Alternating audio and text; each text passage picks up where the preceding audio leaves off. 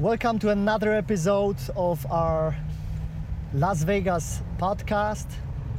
The name is still unknown because we're still figuring it out. So if you have a name that we could use, we, we were thinking about the Rainmaker, but there's no rain in Las Vegas most of the time.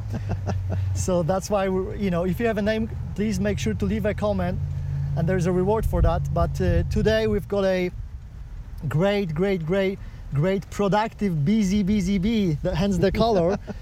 Beejel. He's been advising entrepreneurs since, since 2009 on topics such as effective planning, increasing their effectiveness, productivity mm-hmm. because of the B Yep. theme, and outsourcing to virtual assistants. He coached, consulted, trained thousands of entrepreneurs all over the world. Beejel believes entrepreneurs can learn a lot a lot uh, about business management and high performance from bees. Again, that's why he's so Yes. yellow here. And uh, his chosen spirit animal is exactly the bee. You know, it's really funny you mentioned that. Um, Beejel, welcome to the podcast. First, thank you so much. You know, growing up, I used to watch a lot of martial art films, right? And these to be like dragons and tigers, and then you know, I got lions and, and, and wolves. So I always thought that one of those creatures would be my spirit animal, right? Right. So when I chose the bee uh, right after my 50th birthday, it was for all the different reasons. Beejel, tell us your story, where you're from and what you do, because you're not, uh, you weren't born in the US. No, I was actually born in the UK. Um, I came to the US in '97. Um, it was my dream to always come to the US. I grew up watching a lot of American uh, series and stuff, and so I remember I used to, I used to watch Baywatch. You remember Baywatch? Yeah, of course, of course. So I had this dream of like coming to the US and that, that beach scene, running down the beach scene. But when I arrived in the US, I actually arrived in Chicago, and uh, it was the middle of almost about the start of winter, like end of November. It was so cold. And it's like one of the worst winters I've ever experienced. But that was my starting point in, in, in Worse than in London, Yeah, because you were you were around there. yeah? Exactly, yeah, from from the UK. Right, and uh, so you arrived to Las Vegas how many years ago? Okay, so here's what happened. So we lived in Chicago for three years. We went then went to San Diego uh, for ten years. We loved San Diego. Wow. Um, and um, my, my oldest daughter, she was born in Chicago, and um, and when she was about to be born, I was traveling a lot. I was traveling uh, internationally to Japan, Korea, India, and I said, you know, I don't want to be traveling. My daughter's coming. I want What, what did you do for? Uh, I was a, uh, sales engineer. So Okay. basically, I was, I was selling high technology um, to automotive companies back then. Okay. I really I love my job, but um, at the back of my mind is all this buzz of entrepreneurship, of starting something on my own. Mhm. But I didn't leave my corporate job because I was unhappy. I just, actually, I enjoyed my corporate job. I enjoyed the social aspect of the corporate job. I just, I left, really left because I wanted to have a little bit more control of my time and spend more time with my, my, my daughter. So we actually moved from um, San Diego to Chicago. Right. Sorry, from Chi- Chicago to San Diego, and um, it was like one of my dream places to live. You know, it was um, you know you're not too far from the beach. It was sunny. It was great. closer to And- Baywatch already. Absolutely. And uh, you know we were living the immigrant dream. You know we, we had we had just bought a new house in San Diego. Everything was going well, but around 2000, uh, 2001 or two, I found out my partner at the time was kind of had made some decisions which were a little bit unethical. We'll just leave it at that. I don't want to go too deep. Your into that. business partner or Business, your- business partner at the time. Okay. Right, okay. And basically, we found ourselves broke. We basically all the properties we had, we had to we, we lost. The home we had in San Diego, I had, I had to give up. So we found ourselves kind of almost close to broke, right? And this is like back in 2003. And then no matter what we did for like the next several years, we had our ups and downs in San Diego, the challenges. Um, and in 2009, um, and so I, in, in that time period, I had to leave the country a few times, had to come back. So we're trying to stay compliant to the immigration laws. Uh, you know, not trying, we, we were staying compliant, but that meant sometimes we had to leave. Up, uh, the whole family had to be moved back to the UK. Then we had a new visa come back. in. So we had moved. so the immigration process for the family was it was kind of challenging. in, in the process, right? Yeah, so you were exactly. Yeah. Anyway, cut long story short, 2009. Here I was, you know, an entrepreneur, struggling. Like I'd done, gone to all the seminars and everything else, and read, read all the books and motivation and stuff, but but nothing I'd done was working out. So I had this what I call the dark night of the soul, which is I had a life insurance policy, and I had this moment where I was thinking, is this life insurance policy the only way I'm going to achieve the success financially that everybody talks about? You know, and um, obviously nothing came of it. But I had that moment of like just so it's such in a low point in, in, in life. Um, I, but obviously I chose not to take that path, and I said, okay, there has to be something. Right after that moment, this was February 2009. Um, right after that moment, a friend of mine invited me to a personal development event. I'd been to you know several before. I was like, yeah, I don't really want to go. I was like not in the mind state to go.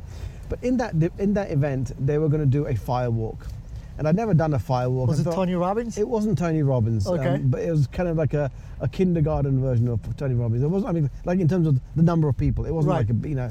So I thought, you know, let me go and at least do a fire walk. I went to that event, and I met um, one of the speakers on the stage was a name guy by the name of Marshall Sylver. Some of your oh, listeners he's, may, may know. he's, he's pretty known here Yeah, in especially Vegas. Yeah, yeah, yeah. And uh, you know, I was like, I was watching this guy on stage, and, uh, and I said, you know, I, I'd- I'd love to be a speaker. Now, the whole first thought of becoming a speaker Mm-hmm. happened right out of college in 1992. I graduated with aerospace engineering in London. Okay, so you're a um, clever guy. Uh, some will argue about that. um, uh, and uh, I went right after right after college. I went to a network marketing event, Okay. and uh, that's something like Herbalife? Herbal, it wasn't. It wasn't Herbalife. It was a company that was uh, doing air filters and water filters Okay. and, and nutrition and stuff like that. Right. And um, I wasn't. That, that was that was cool. But what really fascinated me was this guy on the stage, and they, they, they had this inspirational speaker. I think it was Robert Swan was his name. It was like the first event I'd ever gone to. I'd never seen anything like that. You know, in terms of all these people and motivation and like people just so so happy. uh, You know, at least they looked happy, right? Right. Um, and uh, I, I saw this person on stage, and I said, "Wow, I want to be a speaker." right? Okay. Right. So that thought never left my mind. Like all these years, even though I never did anything with that, it just it's just a, a, a seed got planted Mm-hmm. right there. Anyway, long life continues. You worked at an engineering company. You know, went to came to America, and to, but here I was in 2009, and I said, okay, I have to reinvent myself. I've got to do something different. So I thought about, well, what does, what do all these entrepreneurs need? What, what's the biggest challenge they're having right now? Right. So after a little bit of kind of talking to people, I said, you know what? Everyone's so busy. They're they're stretched, they're overwhelmed, they're busy, and that kind of got me thinking about outsourcing. So I had three girls in the Philippines, and I started with, I started with that. And I was just getting started, and I went to my first big event with my new business cards, a new website, and, and I knew there was gonna be like 50 to 100 people in the event, and I was like, I'm gonna get Entrepre- everyone, entrepreneurs. yeah, entrepreneurs. So you were targeting then. and I was gonna I was gonna get all their business cards and I'm gonna start my business with a with a big bang, you know. And the very first speaker on stage was uh, this gentleman who owned a company that had a hundred virtual assistants. Hundred Uh, virtual yeah. assistants. Yeah, and and he and he'd been successful. Like he'd been successful in the music industry. He'd been successful in the in the clothing industry.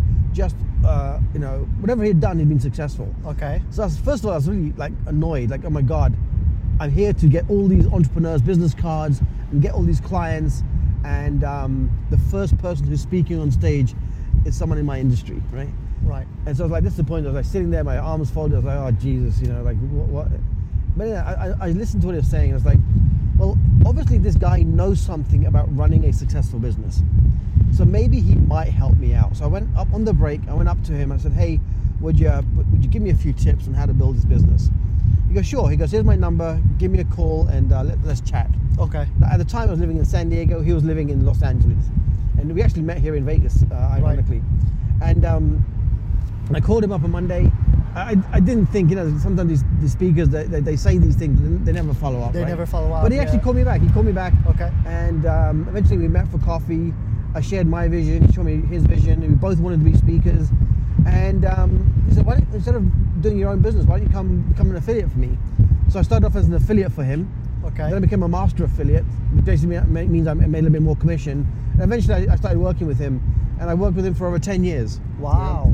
And we grew the company from 100 virtual assistants to 500 virtual assistants. Wow. But in two, so I started working with him in September of 2009. Ten years. Yeah, and then in 2010, my lawyer who was handling my immigration said, I'm really sorry, but you have to either leave the country or become illegal in the US. I said, well, I'm not going to become illegal. So in 2010, in uh, June of 2010, we made the decision to leave the US. Um, on July 4th, 2010, Independence Day, we started selling all of our things. In about 30 days, we sold, gave away, donated 90% of all our belongings. Wow. We packed four red bags, three laptops, two kids, one wife, and we left. Where did you go? And we went to India. okay. Now, I'm of Indian You descent. could go to the UK, right? I could have gone to the UK, but I wanted to do something different. We wanted to just explore the world a little bit. So we went to we went to India. We didn't really know anybody. We, we my, my dad had one uh, one friend that I knew that contacted him. Said, "Hey, we're coming to India." We stayed with him for a, for a week or so, but then we just kind of started traveling throughout India. Eventually, after a couple of weeks of traveling, we ended up making Bangalore, which is the, the more in the southern part of India, known for its technology, our our home. We honestly thought we were going to be there for a few months. Ended up being five years. Wow. Uh, but while so even though our base was in India, we were traveling all over Asia, and I was flying back to the US every three four months. Um, but- Okay. But, not only that, we're not just living there. We were. I was working. I was still working with clients in the US, UK, Australia. Our virtual assistants were in the Philippines, and here I was in India. Mm-hmm. So the one thing I had to figure out how to do really well was how to delegate to, to other people because I wanted to make mo- most of our time in India, you know, because there's so much to see and do. Right. So I became really good at delegating things out to people into our into our own team, and so that's how I got into outsourcing. Do you think? Let me ask you a question. Do you think entrepreneurs and people in general have troubles delegating? They, they they don't know how to delegate. They don't even know a lot of times. You Yeah. know that's uh, that you could actually leverage like I, that. I would say 90% of people I talk to, um, I think I've had over three, somewhere between three to 3,000 to 5,000 one-on-one conversations with entrepreneurs, and I would say 90% don't even know what to delegate. They know they're busy, but they're not sure what to delegate, Right. how to delegate, and even what to delegate first. Right. So let's let's discuss your process for a little bit because that's that's where your expertise lies as the as the B character. Yeah. The Beejel. So- but, so- and then how, how come your name is coincidence co- coincidental with? So right after Did you change your name? No, no. So my na- name is actually Bijal. Um, we can go a little bit slower. uh, my name is Bijal, and um, right after my 50th birthday, I had no interest in bees. In fact, I think I'm, uh, I was kind of grew up scared of bees. I remember one time as a little, a little kid, I was in a park in the UK, Right. and I think I even got chased by a bee. You know, so so I had no connection to bees whatsoever. Okay. But right after my 50th birthday, I stumbled across a management book. So I started doing some consulting work at a management level. And I- don't know how I came, I think I was just Googling like management books. And I came across this book called Wisdom of the Bees. hmm And really, what it talked about was how um, this individual was using what he was learning from bees to actually consult management companies. Uh, sorry, companies using and, uh, you know he talked about uh, how team communication and productivity and efficiency, but everything he was talking about was wrap was based on the bees. So I just became fascinated. The model. The, the model. I was like, well, if you can, um, you know, use this model for helping large companies, what could entrepreneurs lear- learn from from bees as well? So very the very first thing I kind of stumbled across was my saying, which is, you know, bees have a purpose. Every bee has a function in the hive, right? Wow. So like, and, and what we have, we, we you know we say we have a speciality, we have a skill, right? But they also serve the community, so they know how to work in a team, right? So they serve their purpose, they serve their hive, but they also serve humanity, right? The net result of what the bee does And the is, world. is, is, is, is, is the food, right? Mhm. So they, these three levels, they are productive. They, sorry, they are they serve their purpose, they serve their hive, and they serve humanity. So that to me was like a first big, like aha moment, right? Um, then I started like actually looking at bees, right? So bees defy logic, they defy science, right? They shouldn't they shouldn't be able to do what they do, but they do. Entrepreneurs are a little bit like that, right? They defy logic. Yeah. We'll give up a They're unreasonable. We'll, we'll give up a 40 hour per week job to create an 80 hour per week Yeah. career, right? Yeah. And then for for many many years you've been Right. underpaid. Underpaid. Now, I don't know if bees know it or not, but bees have, in in human terms, a very short life cycle, right? We also have a limited life cycle. Right. But in that time, are we waking up and performing our job the best way possible? We don't know when that, that, that switch is going to turn off, right? Correct. but we waste so much of that time. Yeah, so you know, bee like like bees, entrepreneurs defy logic a little bit, right? Um, but unlike bees, entrepreneurs have free will, right? In terms of well, they they, they leave their corporate jobs Yeah. because they want freedom, right? Right. and they, they want to work in their own time, their own pace. They don't want to be managed, right? But that's also an entrepreneur's weakness. That they don't have, in most cases, someone holding them accountable to staying on track. right? Amen. So you know, so this is more than just outsourcing your busy work, right? There's a there's a at, a fundamental level, entrepreneurs need to stay on track. They need to stop shi- chasing shiny, dangly objects all the Oh time. Oh man, right? so many Right? like So- greetings to my business partner Michael. He's he's always looking for the shiny objects, but it's got also its advantages because it because it's um, always leading to something. He's always like trying to be two steps ahead, but sometimes it's, it's misleading. Yeah, that is why you need you need a partnership of two people. You need the visionary, and you need the integrator. Right, Right. now, at a corporate level, or a higher business level, you may, you may, there may be two two people. Right, one person who's going to look at the opportunities and, and look for these uh, uh, different different things that they can do. Mhm. But a business also needs an integrator. They need someone to stay on track. Right, they need someone to to say, you know what, that's a great opportunity, but not right now. Let's stay focused on this, and we'll park that idea. And that's the integrator. That's the integrator, right? And if people want a reference for that, they, they can go. They can look up the book Rocket Fuel. Rocket Rock- Fuel. Rocket Fuel. Is it the Chirac? There- There's a new book by Chirac, Rocket Fuel. Uh, no, well? Ro- Rocket Fuel is um, is based on the EOS um, uh, system, Okay. on, entrepreneur operating system, right? So talk about this relationship now. A lot of people listening, they may be solopreneurs as well. I don't have, you know, a lot of entrepreneurs are very uh, visionary, right? They may not have a uh, the budget to even have a integrator, you know, that. But that's where we can start to use, you know, coaches or systems to keep us on track, right? Mhm. Um, but a big part of that is then, well, what about all the busy work that we're doing, right? So what a lot of entrepreneurs do, they, they go to events, seminars, whatever, and they hear about this new opportunity. And a lot of times that opportunity involves uh, a project, getting a project. Um, I'm gonna have to go a little bit faster here. We can go like somewhere. Somewhere- yeah, we'll just go okay, around. Okay. And then we there. can go to that quiet area, right? Okay. So maybe we'll continue there because there's Yeah. lots of lots of wind here. That's good. It's gonna just chunk that, and we're gonna have like different moments as well, which is perfect. See, you're showing me now different. Sergio showed me some different parts. Now you're showing me different parts, and um, so that's great. And that's anthem. You said. Hmm? Okay. Yeah, so we just we just drove through Seven Hills, Seven Hills, right? now we're going into Anthem. So, so we're going into Anthem. You guys ready for that?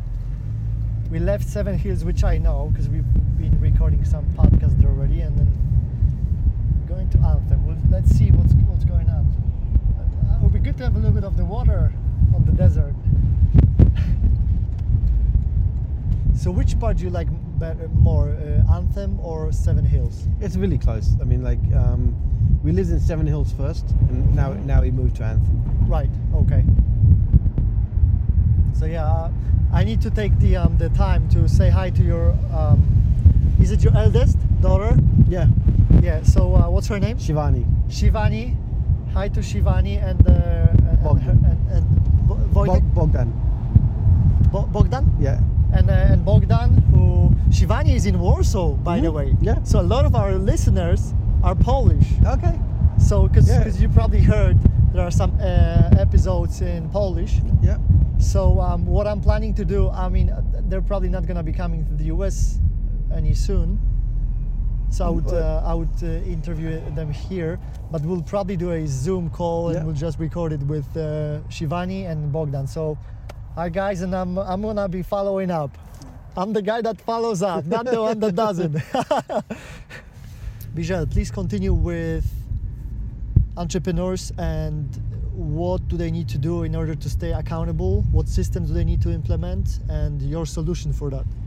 Cool. So, you know, I was running, I was helping run high-end masterminds, and um, in 2015, I was flying back from Los Angeles back to Bangalore, India. I was in the Starbucks, and a lot of these high-end masterminds were charging, you know, twenty thousand, twenty-five thousand, thirty thousand dollars to be part of these masterminds. And people would come. There maybe it was every, in our case, it was every three months, Mm-hmm. and um, you know, brainstorm a lot of great ideas, how to, how to make, create multi-million dollar businesses. I was noticing that a lot of these people were not taking action. They're Yeah. paying they're paying this big money, but they're not taking action. I call it masturbating. exactly. So it's from mastermind to master. anyway, so I said, well, why is that? Why why is the entrepreneur struggle to to to implement right? And there's really a lack of accountability for most of them. There's no they didn't have a manager to Mhm. hold them manager. Mhm. The other thing was that they were being bogged down in things that they didn't really want to do. Right. That was the other big thing. They were, uh, you know, working on stuff that just didn't light them up. You know, we, we become entrepreneurs because we, we we want to spend more time doing what we love to do, Amen. right? But we don't. it- It's kind of this illusion that you know people tell you, hey, you know, you can um, you know, give up your job and you know jobs like this and jobs like that.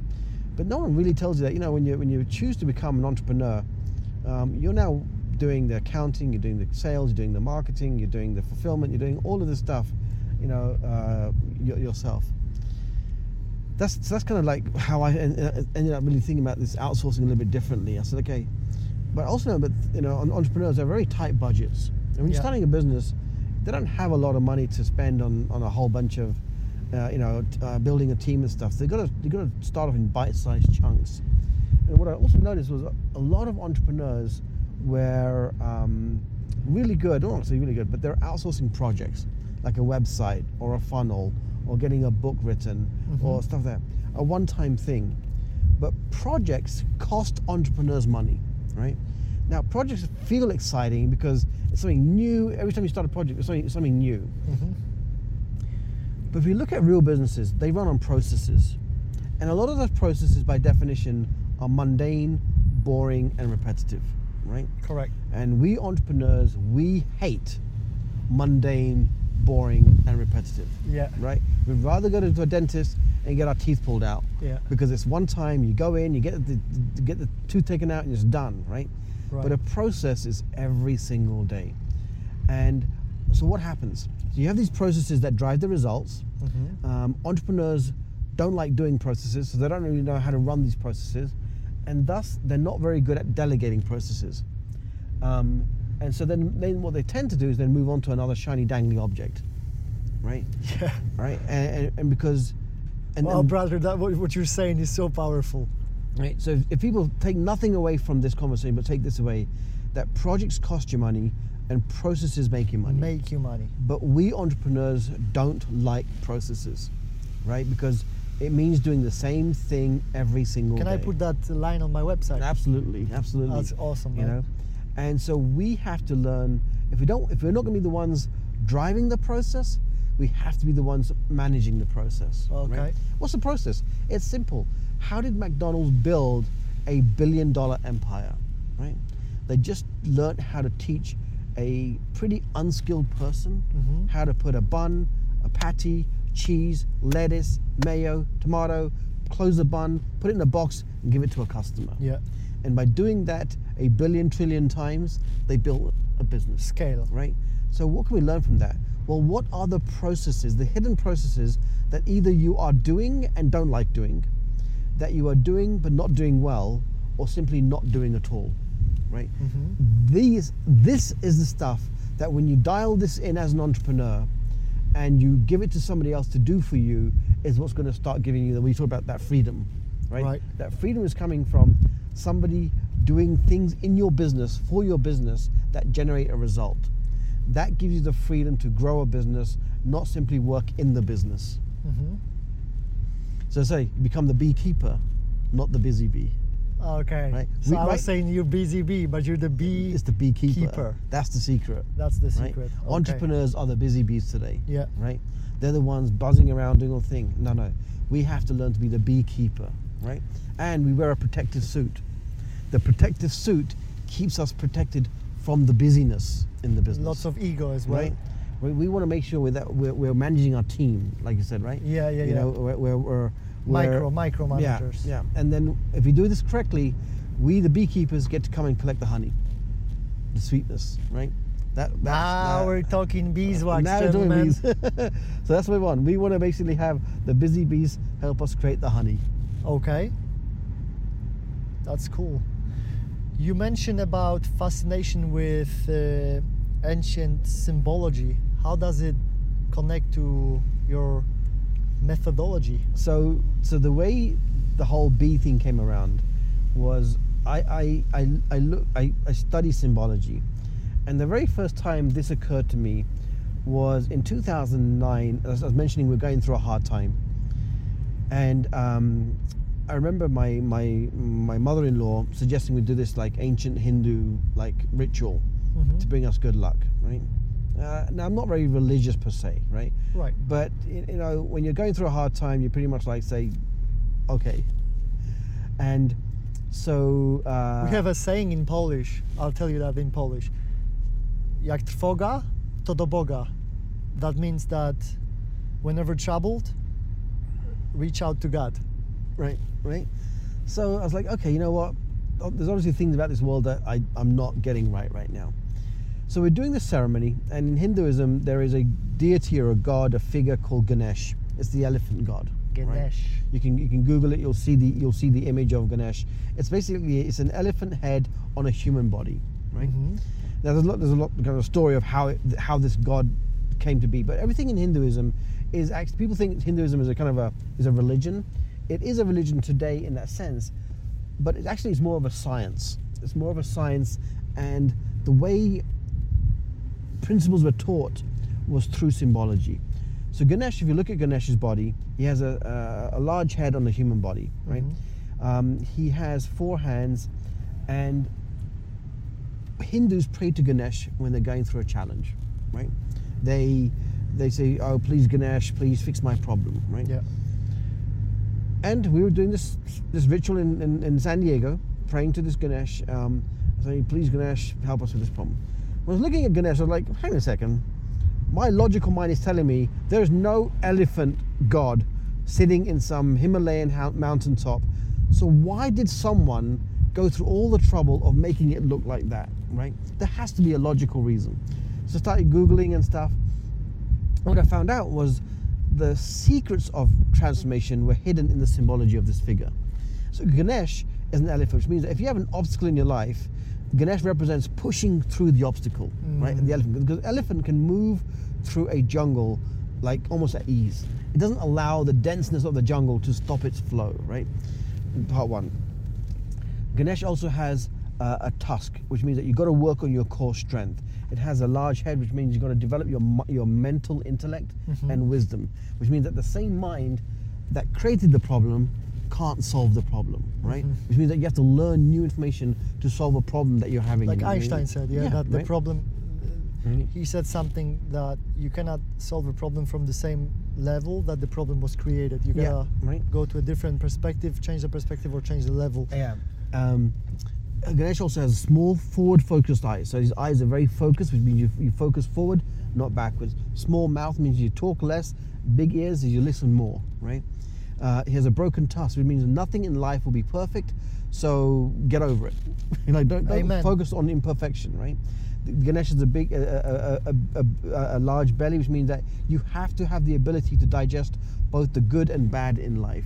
In the top right hand, um, he has an axe, which is if your happiness is attached to something material, right? It's temporary, which means that the moment that that material thing is gone, your happiness goes with it. Do not Yeah. attach your happiness to the material stuff, right?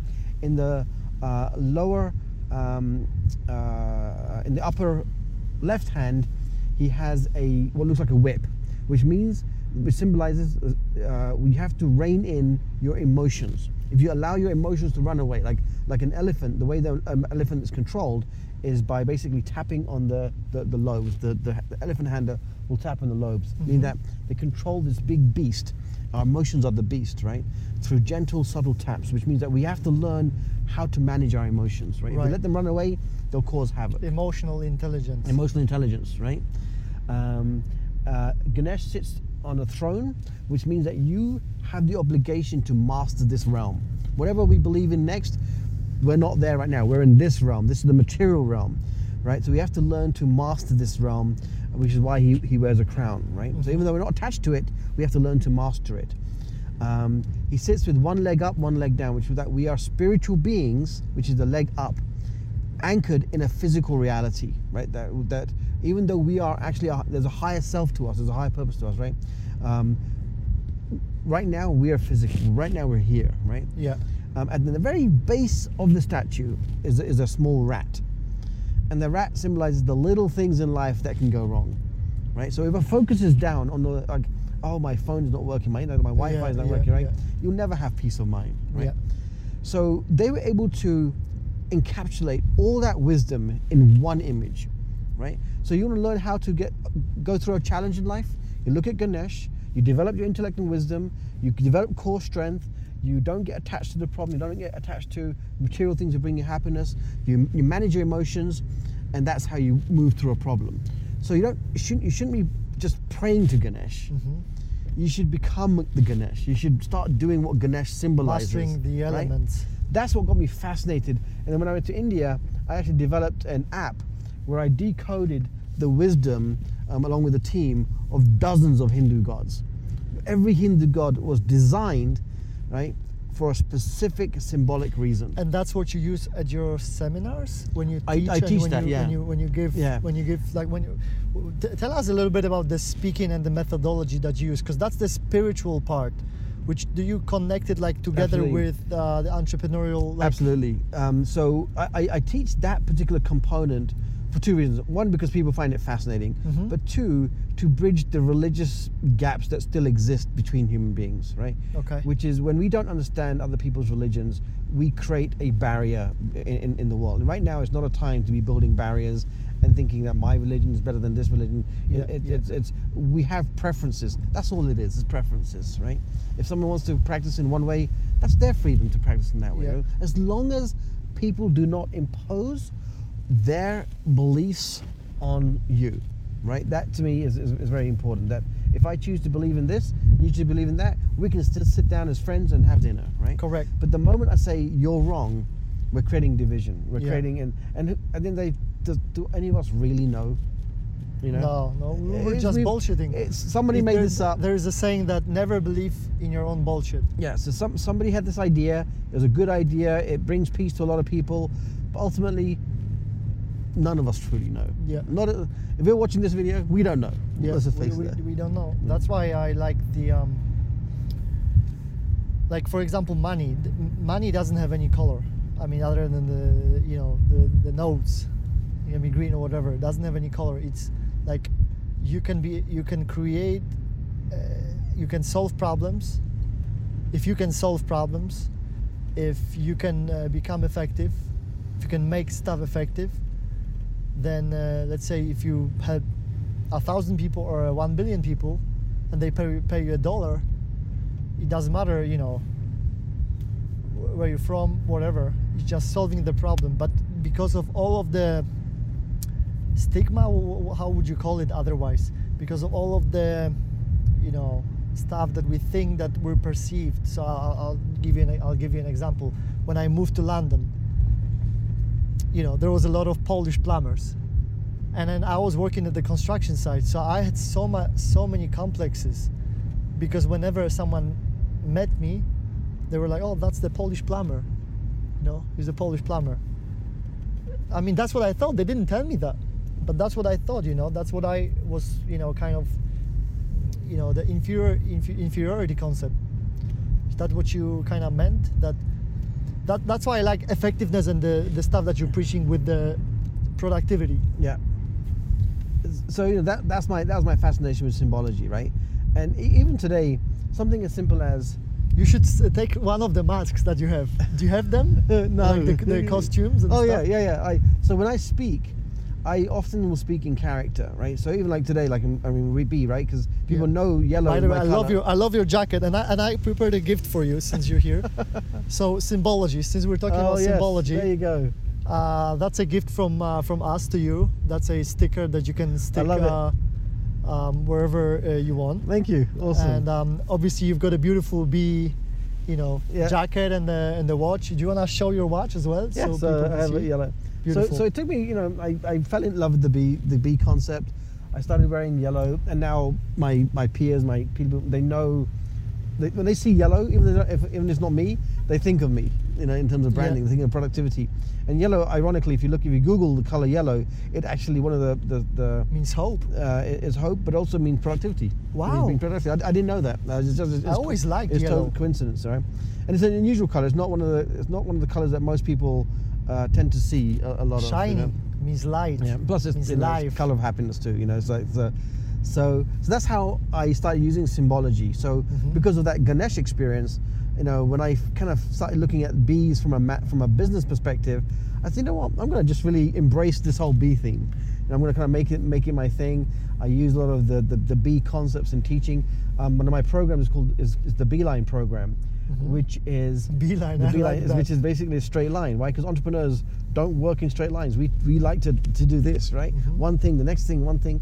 So beeline is, is a uh, is a theoretical concept, which is what's the fastest path between here and there? It's a straight line, right? Mhm. And so I, that program is about accountability, where and the base of accountability, base the, the fundamentals of getting things done, is knowing what to get done in the first place, right? Which is what I call priority planning. They, you said that the entrepreneurs they don't know what they don't know. Yeah. Yeah, they, they, they, the reason that they're not productive, and one of the one of the reasons they're not productive, is because they um, uh, they don't know what to work on. They don't know what to focus on, right? Yeah. So the so it, there's lots of hacks. There's lots of productivity hacks. Uh, use a Google Calendar. Use this app. Use that app. Whatever. Mhm. But fundamentally, if you're not working on the right thing, you might you might be very productive, but you might not be producing the right result, right? So, as I said, that that makes you a busy bee. You're Prior- busy so doing things. Once you know what to do, then you need to prioritize. you need to prioritize. Uh, and so once you got a clear, like what we do is I, I teach entrepreneurs to do um, monthly, weekly, and daily planning, right? Mhm. And uh, and if you go to beelineplanner.com, you'll you know they can download this free free one page. I basically figured out how to get instead of using a whole big book to to planning and We'll- so we'll, we'll put that uh, as a link. perfect, great. You know? And um, and so, so that that methodology I developed over five years of how to get it so simple that first you just got to know what your goal is for the month. Next, I'm going to limit you to three open projects, not ten different things, just three projects, and even one is better than three. Like if you can focus on just one thing Mhm. this next 30 days, just do that. Now you've got your project, and now we've got the processes. So the projects I remember projects cost you money. Cost you money. Processes make you money, Make right? you money. So, what are the processes that might generate a result? So today, this is a project, right? We're Okay. making we're making this, this this podcast, this video. It's a project. If all you did was make this video and you don't publish it in the right way, you don't tag it and everything else, you don't post it in the right places, what's the point? It just costs you money, it costs us time, right? Yeah. So it's the process that happens afterwards that makes sure that this asset, which today is a liability, right? Right. Today, right now, this is a liability. Liability. It's costing you time, effort, and money, right? Yeah. So we've got to turn this ass this liability into an asset by using a process to make sure it gets pushed out into Distribution. social- distribution, right? Because someone might see it, they may want to work with you. Someone may see it, they may want to work with me. That's the process. So you, that you guys gotta work with him. That's why you're here. right? Um, so anyway, so that's that's basically what we're talking about, right? Which is so there's really three things: a goal for the month, hmm the projects that you have to get done to make sure that uh, you know your process works, and the processes that you're going to run. It could be a Facebook Live, it could be uh, LinkedIn, it could be networking, whatever that process is. Obviously, somebody in your industry or somebody you know, if you're listening to this, there's somebody who's doing what you do and they're doing it better. So go go emulate them and just get better at doing. That's doing how that I thing. started that. I was I sent a message to one of the guys who was doing very similar thing, and he uh, rejected me. I mean, rejected. I, I don't even look at rejection as rejection. It's kind of like, you know, not now. And I'm like, okay, if not now, then when? So I just created my thing. I just emulated. Yeah, yeah. So, so it's, it's, we know we don't have to reinvent the wheel, right? We just got to get really good, uh, what I call deep work, which is, you know, figure out what works in your industry, look at some of your compet- compet- competitors, figure out what they're doing, and then just go deep in, in, into that. And you know, that's a great starting point in terms of you know shifting the needle, as I call it. Right. What also caught my eye was your educational program designed specifically for uh, parents and their children. kids entrepreneur and money program, right? Yeah. Why we- did you create it? Well, first of all, I, I didn't create it just to be just to be just a, for a small correction. What happened was one of my clients had had this program that they created, Mhm. and um, it really caught my attention because it it resonated with me as a parent who homeschooled. So I, I homeschooled both my um, kids. Wow. My uh, oldest Shivani, who's actually in Warsaw right now. Homeschooled. Uh, ho- homeschooled means that they're they don't go to a public school. Correct. Right. So in, in America, it's a fairly common concept. Mhm. Not so much in Europe. Not so much. And even less in India, where we were. So when we left the US, um, you know, we didn't want to go, go to just go to, to back to England, whatever. Mhm. So we started teaching the kids from home. Um, but it, it wasn't even from home. It was like from hotels, from airplanes, from resorts. You know, I mean, in, in the slums. So we used the world as the as their school. As the right? environment. That's the best school. And so my oldest daughter, uh, Shivani in, in Warsaw, she never went to school. In fact, she kind of well, she, Wow. was not fair. She dropped out of school at age ten. Uh, she was homeschooled for five years, and then when she had a choice to go back into school, she chose not to. She chose an alternative education path. She she she she. We took a chance as a family, right? Like she, she doesn't she doesn't have a high school diploma, doesn't have all that, the normal things that we. Does it bother her for Yeah. because some institutions require that shit? You're right, and s- some do. But I think we're living in a time that more and more CEOs are emerging where they recognize that paper qualifications doesn't make somebody the best Oh yeah, uh, choice, right? yeah. So I think we're, we're now entering a time when somebody's going to be more open to it to somebody says, "Hey, you, you didn't go to school." I said, "Yeah, but look at my experience, Mm. right?" And sh you know, she was 15 when she started traveling by herself around the world, Sh- and she was training entrepreneurs at age 15. Wow. Right? Um, and so I mean, there are a super couple with Bogdan. I, I- yeah, I so, looked, at- so looked them up before. Yeah, so she, you know, she's been speaking since age I think you know eight when she was first, she was first emceed an event of three and a half thousand people at age eight. She recorded her first album uh, as a homeschool project when she was 14. You know, so there are different ways to gain education today, other than the traditional school system, right? Yeah. Now, I'm not saying it's going to work for everybody. I love that what you just said. Um, but there are, you know, so and, and one of the things that parents fear is like, well, what if my kid doesn't go to school? What if they get left behind? It's like, you know, that's the parents' role to ensure that we provide our kids with the right stimulation, the right uh, uh, environment to still learn. Um, but you don't have to learn always through a school methodology. And even if you want to keep your kids in school, that's fine. It's it's make sure the kids are still getting enrichment from outside programs, right? yeah. So Si- what I call I call them side projects. side projects. So why this company? Well, you know, first of all, I was, I was already consulting for this company, um, but I remember growing up, that I didn't get financial education. My dad was a banker, but I didn't get financial education, and I made a lot of mistakes financially. That had I just had some even basic knowledge, right, that I would would, would have been probably far wealthier than I am today. Mm. So I, you know, I just had a kind of a passion that uh, we want to start educating kids uh, to be financially smart, but also entrepreneurial smart, right? I'm not saying that everybody has to be an entrepreneur, but there's there's a way of thinking. But the skill but the is skill, right? you have a household uh, budget. Yeah. You, you you need to have those skills whether you're entrepreneur or not. Yeah, You right. you you, uh, you know you, you know you need to know about your taxes. You need to know about uh, kind of a little bit of about legal stuff because as an entrepreneur you need to know you know the legal stuff as well, and you need to be on top of that. Whether you you you're kind of scaling as an entrepreneur looking for opportunities or you're just kind of like you know your own entity. Right. So, so that that became a kind of a passion. It was more than a passion project. You know, I'm, I'm the COO uh, of that company right now, and that's almost it's almost like a give back. You know, it's like you know what, as entrepreneurs, we often make a lot of, I won't say mistakes. Uh, we invest very heavily in in life learning, Yeah. and and often we can save ourselves time, effort, and money by by learning the basics first. You know, and money management, our relationship to money is such a key part of entrepreneurship. Do you right? teach that as well in that program? in that program? Yeah, we, you know, we, it's, it's teaching kids to become comfortable with money. It's teaching kids how to manage money. It teaches kids how to make money, right? Uh, it teaches kids how to have a healthy relationship. So parents could uh, sign up for that program. Yeah. Uh, and uh, is it is there like some sort of sample that they could have, or is it Yeah, they get a free trial. Um, you know, uh, I think it's like a one dollar trial. okay? Uh, they can you know test it out. Um, you know, if they if they like the content, they can sign up for the monthly or the annual, one-time annual. Right. Um, but it, but it's a phenomenal program.